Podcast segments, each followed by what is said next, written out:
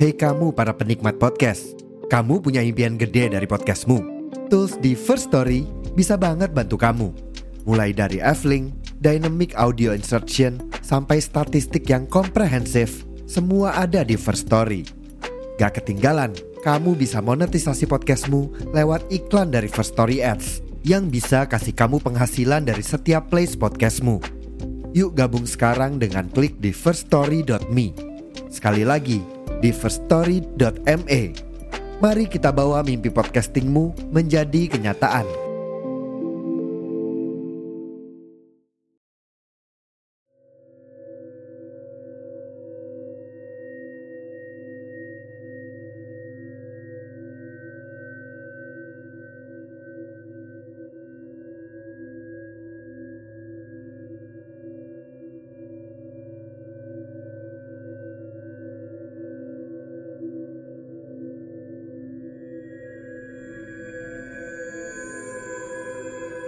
Halo listener podcast Maskur, kembali lagi bersama kami, saya Ryan Alif dan saya Rizky Kurnia. Nah teman-teman listener nih, uh, kita lama nggak ketemu ya, udah hampir uh, beberapa cuti, eh bukan cuti sih, kayak libur uh, hampir mau satu bulan kemarin ya Kur, kita nggak uh, podcast. Nah tentunya kita kembali lagi di podcast podcast Maskur. Nah, di podcast Maskur pada hari ini kita akan membawakan tema tentang amis. Nah, mungkin dari teman-teman listener yang setia mendengarkan cerita amis dari Maskur Podcast. Nah, di sini uh, aku sama Rizkur akan membawakan cerita uh, yang di mana kita angkat dari salah satu sosial media. Ini kita kita ambil dari based on true story dari Siska Novio. Nah, dengan tem uh, dengan cerita yaitu KKN di Desa Pocong. Nah, mungkin dari teman-teman listener yang penasaran langsung aja ya. Aku sama Rizkur akan cerita. Nah, Cerita ini akan membawa kalian kembali ke tahun 2005, di mana ada pengalaman menyeramkan yang dialami oleh satu kelompok yang saat melaksanakan pengabdian kepada masyarakat, yaitu KKN, Kuliah Kerja Nyata, yang diganggu oleh pocong. Mungkin bayangan kalian mereka diganggu oleh satu pocong yang selalu berdiri di pojokan ruangan, di pinggir jalan dan menampakkan diri dari kejauhan. Bahkan bisa juga mereka menempatkan sebagian tubuh mereka di jendela. Namun tidak untuk cerita yang satu ini, bagaimana jika yang terlihat bukan hanya satu pocong, melainkan 10 atau 20 pocong yang menampakkan diri dalam waktu yang bersamaan. Pasti menyeramkan, bukan? Cerita tersebut bermula saat Ani dan kawan-kawannya hendak melakukan tugas pengabdian di salah satu daerah utara Pulau Jawa. Pulau ini juga disebut dengan Tanah Garam. Alasan disebut Pulau Garam karena pulau ini penghasil garam terbaik di Indonesia. Saat itu jumlah peserta ada 12 orang yang terdiri dari Wulan, Dira, Gesang, Roni, Wirda, Fatih, Rara, Haida, Johannes, Umar, dan Ani. Mereka semua dari jurusan yang berbeda-beda. Dalam cerita ini akan saya fokuskan menceritakan pengalaman Johannes dan Ani karena menurutku cerita mereka lah yang sungguh membuat bulu berdiri dan mereka berdua yang sering sekali mendapat gangguan di sana. Bermula dari Johannes saat itu dia terdiam menatap layar kaca mobil yang saat itu sedang melaju cepat dan jajaran rumah terlihat samar seperti perjalanan menjauhinya. Bunda Jo kemudian ditepuk oleh Ani. Jo iki roti gaya ganjil wetengmu. Ojo mengerut ae Jo, ini roti untuk menjanggal perutmu. Jangan cemberut saja ucap Ani. Memang saat itu Jo sedang tidak bersemangat sekali. Hal itu dikarenakan ayah Jo seminggu yang lalu berpulang ke Yang Maha Kuasa. Sebenarnya dia tidak ingin meneruskan kuliahnya lantaran saat itu hatinya sangat terpukul. Kehilangan orang yang sangat ia hargai seperti kehilangan separuh nyawanya. Ani nampak memperhatikan kondisi Jo saat itu. Dia berharap nanti saat sudah sampai di sana Jo bisa berubah dan bisa membaur dengan masyarakat di sana. Anak-anak yang lain juga memaklumi perasaan Ju yang sedang berduka dan tidak bisa selepas itu untuk mengajaknya bercanda. hanya bisa memperhatikan dan berharap Jo bisa tegas, kembali tegas dan bijaksana seperti sebelumnya. Lalu mobil kemudian, laju mobil kemudian menjadi pelan. Rupanya itu tikungan akan masuk ke dalam desa yang menjadi tempat bagi mereka menjalankan KKN sudah dekat. Eh, kok sunyi ngene desone? Dan iki bener anang desone? Kok horor ngene? Dan ini benar ke desanya, kok horor begini? Ucap Gesang. Ani hanya terpaku dengan tugu desa yang bertuliskan Selamat datang di desa Pocong. Ani kira saat Gesang memberikan informasi tentang daerah itu sedikit bercanda. Karena menurut Ani sangat aneh saja dan sedikit lucu ada sebuah desa yang seperti nama hantu yang sangat terkenal yaitu Pocong. Penampakan dari tugu sampai ke desanya sangat membuat bulu kuduk berdiri. Ani hanya memperhatikan sekitar ketika tidak ada penduduk yang lalang bahkan seliweran. Desa tersebut sungguh di luar perkiraan mereka. Mereka membayangkan desa yang mereka datangi seperti desa pada umumnya. Meskipun tidak ramai, tetapi masih ada warga yang berlalu lalang. Anyang melihat kanan dan kiri masih pepohonan dan juga banyak sekali. Tanaman bambu hanya bisa terdiam Tiba-tiba Ani seperti melihat sesuatu yang nampak sedang memperhatikan laju mobil mereka. Dia melihat sebuah gubuk tanah yang tinggi dan terlihat beringin besar berada di sana membuat Ani bertanya. Sebenarnya desa seperti apa yang akan mereka singgah ini? Terlihat seperti bangunan rumah yang kecil, namun di dalamnya terlihat sekali sebuah makam yang batu nisannya tertutup dengan kain putih. Ani dan kawan-kawan mengira itu mungkin adalah kuburan dari orang yang membat alas di sini. Ani sedikit melamun melihat tempat itu. Batinnya belum juga sampai di desa sudah disunggui pemandaman yang menyeramkan seperti itu.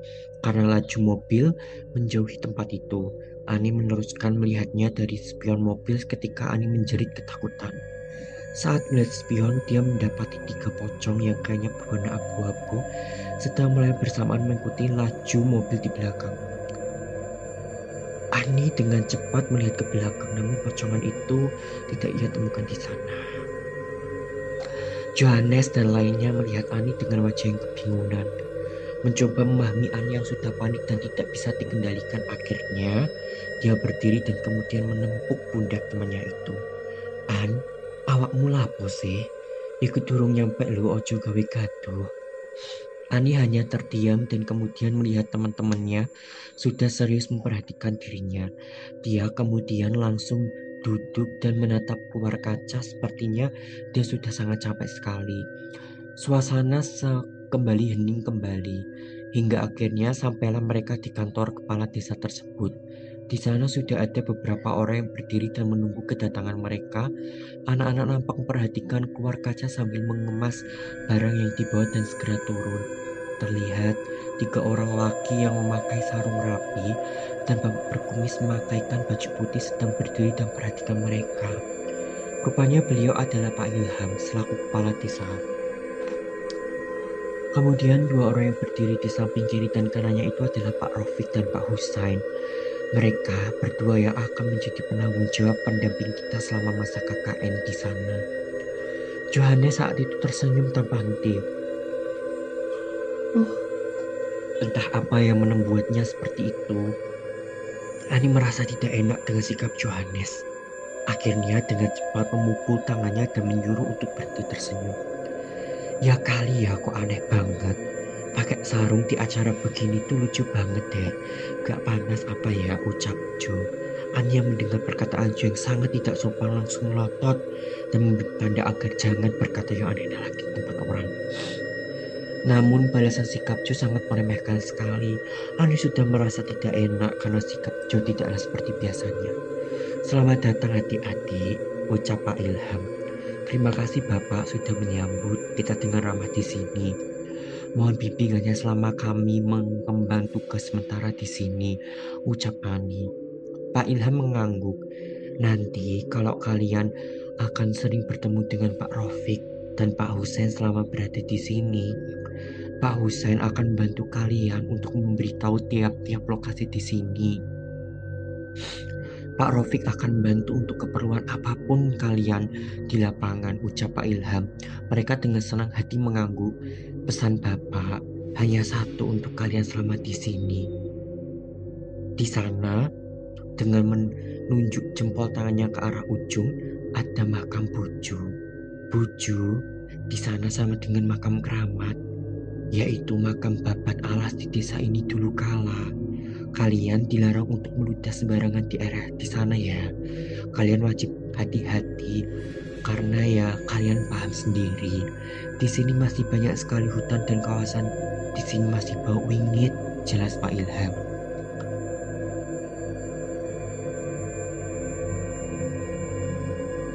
Jo hanya tertawa mendengar hal itu.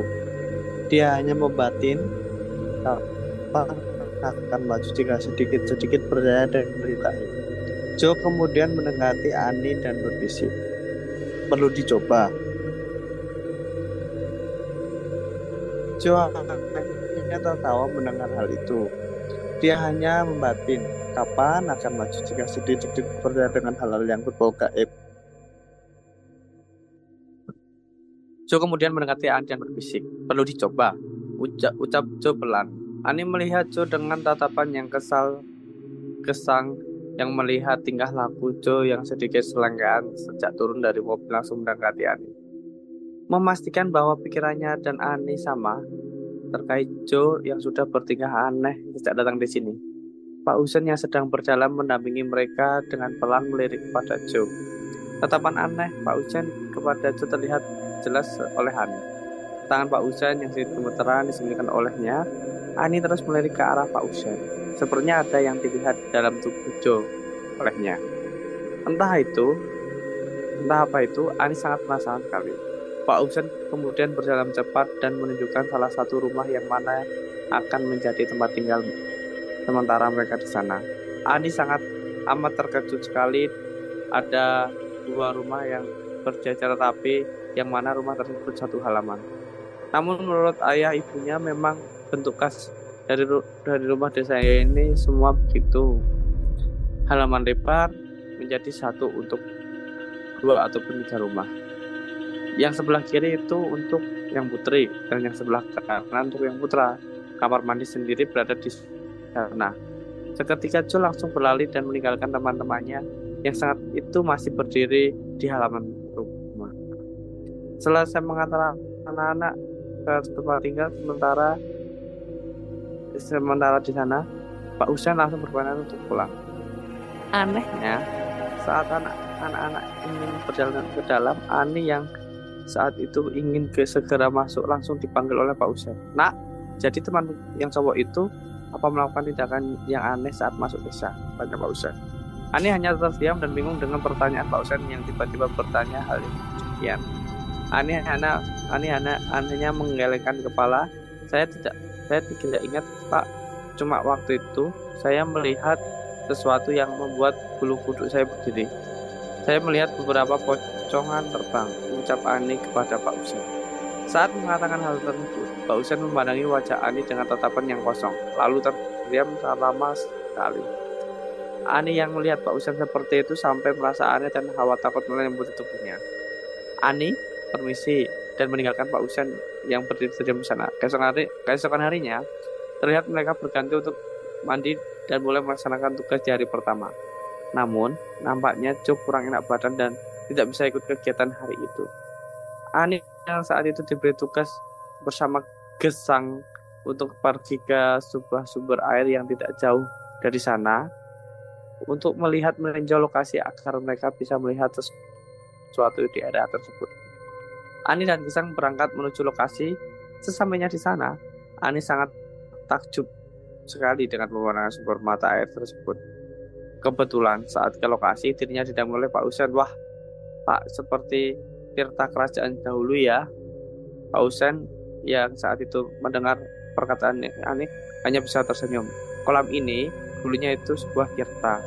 Digunakan pada saat zaman kerajaan, tetapi dengan majunya zaman Tirta ini jadi begini, nggak di rumah.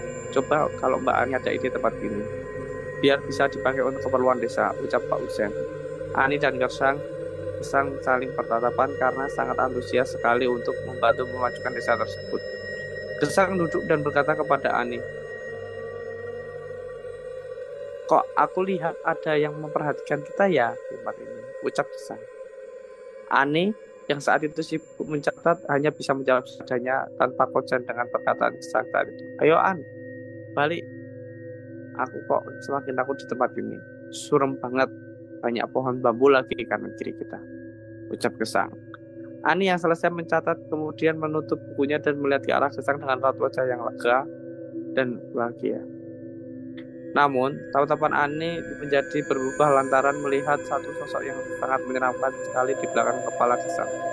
Kepala dari sosok itu terlihat balut lihat wajahnya yang sangat menjijikkan sedang melotot menatap Ani yang sedang mudah lupa.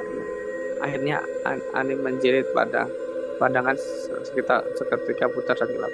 Pandangan Ani masih putar dan dan tidak begitu jelas siapa yang duduk di sebelahnya. Hanya terdengar suara riuh yang sedang lalu lalang di sekitarnya. Akhirnya dengan tenang Ani bangun dan melihat sekitarnya. Dia sudah sadar dirinya sedang tergeletak di tempat tidur. Kemudian melihat sekelilingnya sudah banyak orang. Pak Husen yang saat itu berada di samping Ani hanya bisa mengeluarkan segelas air dan menatap Ani dengan pandangan yang serius. Sudah, baikkan dok, ini kamu minum airnya, ucap Pak Husen dengan mengeluarkan segelas air. Ani kemudian mengatur posisi duduknya agar benar, mengambil air yang diberi Pak Husen dan meminumnya. Saya kenapa ya Pak?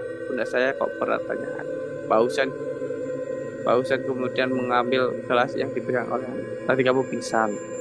Kesang yang mengambil Pak, kesang yang memanggil Bapak, sepertinya berharapan ya, ucap Pak Husen. Ani hanya mengangguk dan rasa cemas yang begitu besar muncul dalam hatinya. Dia mengingat bagian-bagian tertentu saat dia pingsan di sana. Tatapan mata itu tidak akan pernah dia lupakan sampai kapan pun. Akhirnya malam tiba. Anak-anak mulai terlelap tidur di ruangan mereka masing-masing. Nampak kesak, nampak Gesang mendengar suara bisikan. Sungguh amat sangat aneh sekali. Suara bisikan yang membuatnya terpaksa bangun tengah malam. Dia menolak ke kanan dan kirinya melihat suatu suasana saat itu. Tentu sangat masakan. Berdiri dan melihat setajam mungkin. Mungkin. Jadi itu tidak hanya dirinya yang terbangun atau ada teman lain yang sedang sholat malam. Namun saat itu hanya dan juga cahaya dari lampu luar ruangan yang masuk tembus dalam kaca. Hingga akhirnya kesang berjalan ke balik ruangan itu ada yang melihat di pojok tempat itu. Terlihat sebuah kain yang di dalamnya sedang bergerak-gerak saat kesang mendekati benda itu. Sontak, ia sangat amat terkejut. Melihat Jo yang sedang berdiri di atas ranjang dengan kepala yang bergerak tak sekaunya. Saat Gesang menyalakan lampu, hawa ketakutan meliputi tubuhnya. Joe yang berdiri itu sedang memakan sesuatu, memakan hewan yang sangat menjijikan. Gesang yang melihat sebuah ekor panjang di tangan Joe meyakini bahwa Joe saat itu memakan tikus mentah-mentah yang membuat Gesang lari terbirit-birit. Ialah di bawah Joe terlihat tujuh pocong yang sedang bersujud ke arah Joe. Gesang hanya berlari dan meminta tolong keluar rumah. Ramai orang sedang berdiri di depan ruangan putra karena kejadian itu membuat geger dan kaget tetangga sekitar. Maka maka hal itu menjadi masalah bagi warga dekat sana. Pak Usen saat itu memperlihatkan Ani dengan tatapan yang sangat tajam. Namun Pak Lurah yang saat yang saat itu menyadari akan kondisi yang terjadi kemudian menepuk tidak Pak Husin. Biar saya saja Pak yang menjelaskan kepada mereka, ucap Pak Lurah. Akhirnya mereka menunggu Josiuman dari pingsannya dan masalah itu dibahas keesokan hari. Pagi pun tiba. Nampak rumah Pak Luring yang berlatar luas menunjukkan mata Jo dan Ani yang sangat itu hendak bertemu Pak Lurah di rumahnya pembantu yang sedang membersihkan dedaunan yang gugur dan juga ada yang membersihkan rumput membuat perasaan aman yang sangat luar biasa kepada mereka saat di sana. Perasaan aman itu pertama kali mereka rasakan selama berada di desa tersebut. Terlihat seorang perempuan keluar dan menghari mereka. Silahkan masuk. Pak Lurah sudah menunggu di dalam. Ucap perempuan itu. Akhirnya mereka dengan pelan-pelan dan sopan masuk ke dalam rumah dan menuju meja kayu yang berada di halaman belakang. Pak Lurah duduk di dan menikmati kopi yang sangat hangat dan juga merokok kelopet dengan nikmat. Akhir, akhirnya suara aneh mengagetkan Pak Lurah saat itu. Pak Lurah yang mengetahui kedatangan mereka segera mempersilahkan mereka duduk. Dan kemudian memanggil perempuan tadi untuk memanggil seseorang di dalam. Akhirnya mereka duduk dan kemudian disuguhkan sekarang kan nampak seorang nenek tua yang sudah sepuh sekali keluar dari rumah. Perempuan itu, sedang pelan.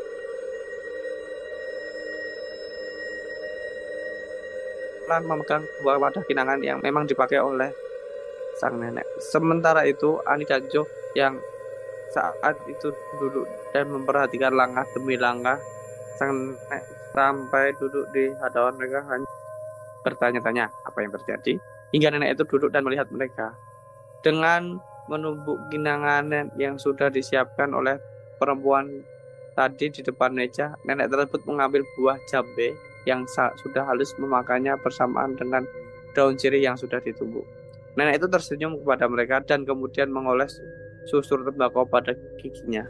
Warna merah menyelimuti mulutnya dan Ani dan Jo hanya bisa memandang wanita tua itu dengan rasa keheranan. Ini ibu saya, Mbak Ani Mas Jo, namanya Mbak Natin, ucap Pak Ani dan Jo kemudian berdiri dan menghampiri Mbak Natin dan mencium lengan beliau. Ibu ini sudah sepuh.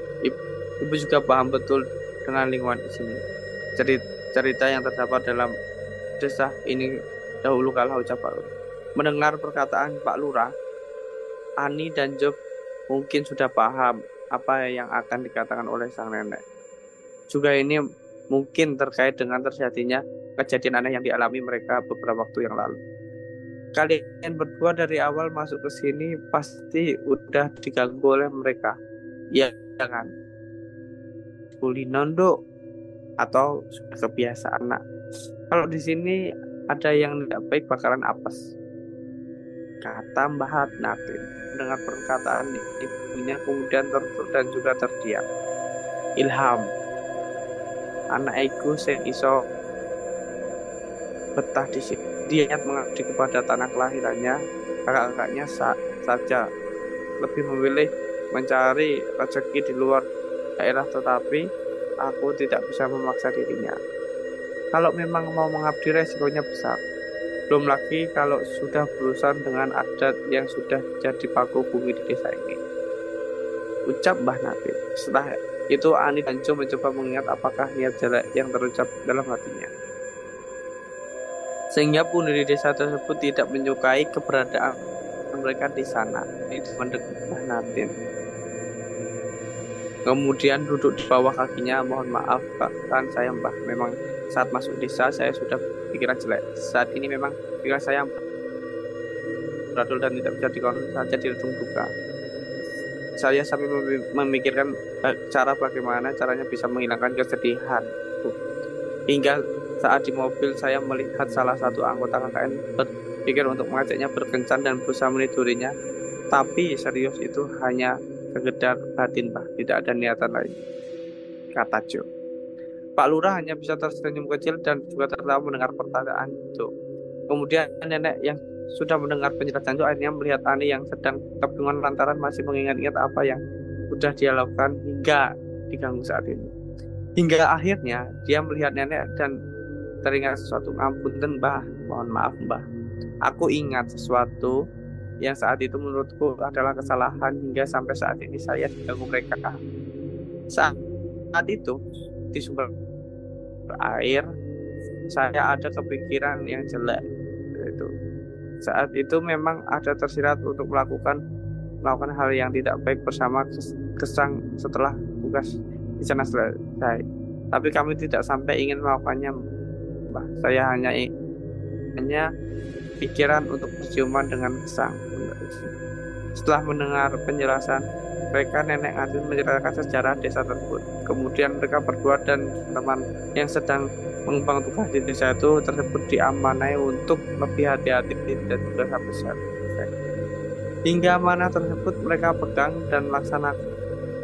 Saat cara perpisahan dimulai, Ani melihat sesuatu Pak saat Pak Lurah dan keluarga mengatakan mereka Ani menutup mulutnya untuk tidak berteriak. Ani melihat banyak sekali pocong yang berjatuh dan juga warga yang sedang melambaikan tangan kepadanya.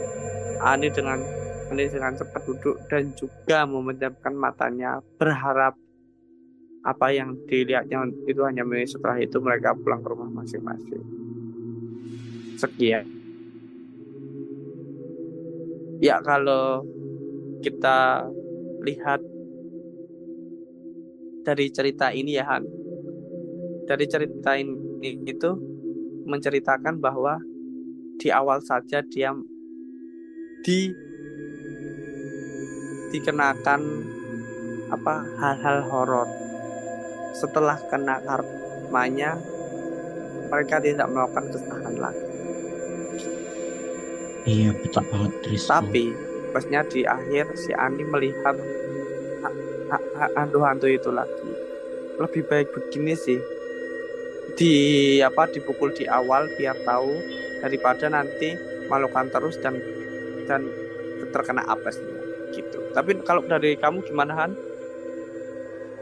Uh, kalau dari aku ya ada hikmahnya ya di setiap tempat makanya kalau kita berkunjung ke suatu tempat baru perlu banget kita harus menjaga tata krama kita terus jangan berpikir yang buruk-buruk itu hal yang susah sih karena kan ya namanya juga beradaptasi ya pastikan mikirnya yang aneh-aneh. Nah mungkin dari cerita ini bisa jadi pembelajaran buat teman-teman listener yang mungkin bentar lagi uh, mau apa ya maksudnya yang bentar lagi mau KKN bisa jadi pembelajaran buat selain bekal secara fisik kesehatan perlu juga bekal-bekal seperti tata krama yang apa yang harus uh, dipatuhi dan jangan dilanggar ketika mau berkunjung ke suatu desa atau tempat yang memang belum pernah kita uh, apa ya maksudnya kunjungi sama sekali itu sih. Jadi emang ya pasti suatu perbuatan ada tanggung jawabnya dari cerita ini bisa kita jadikan pembelajaran aja sih. Itu kalau dari aku di sekolah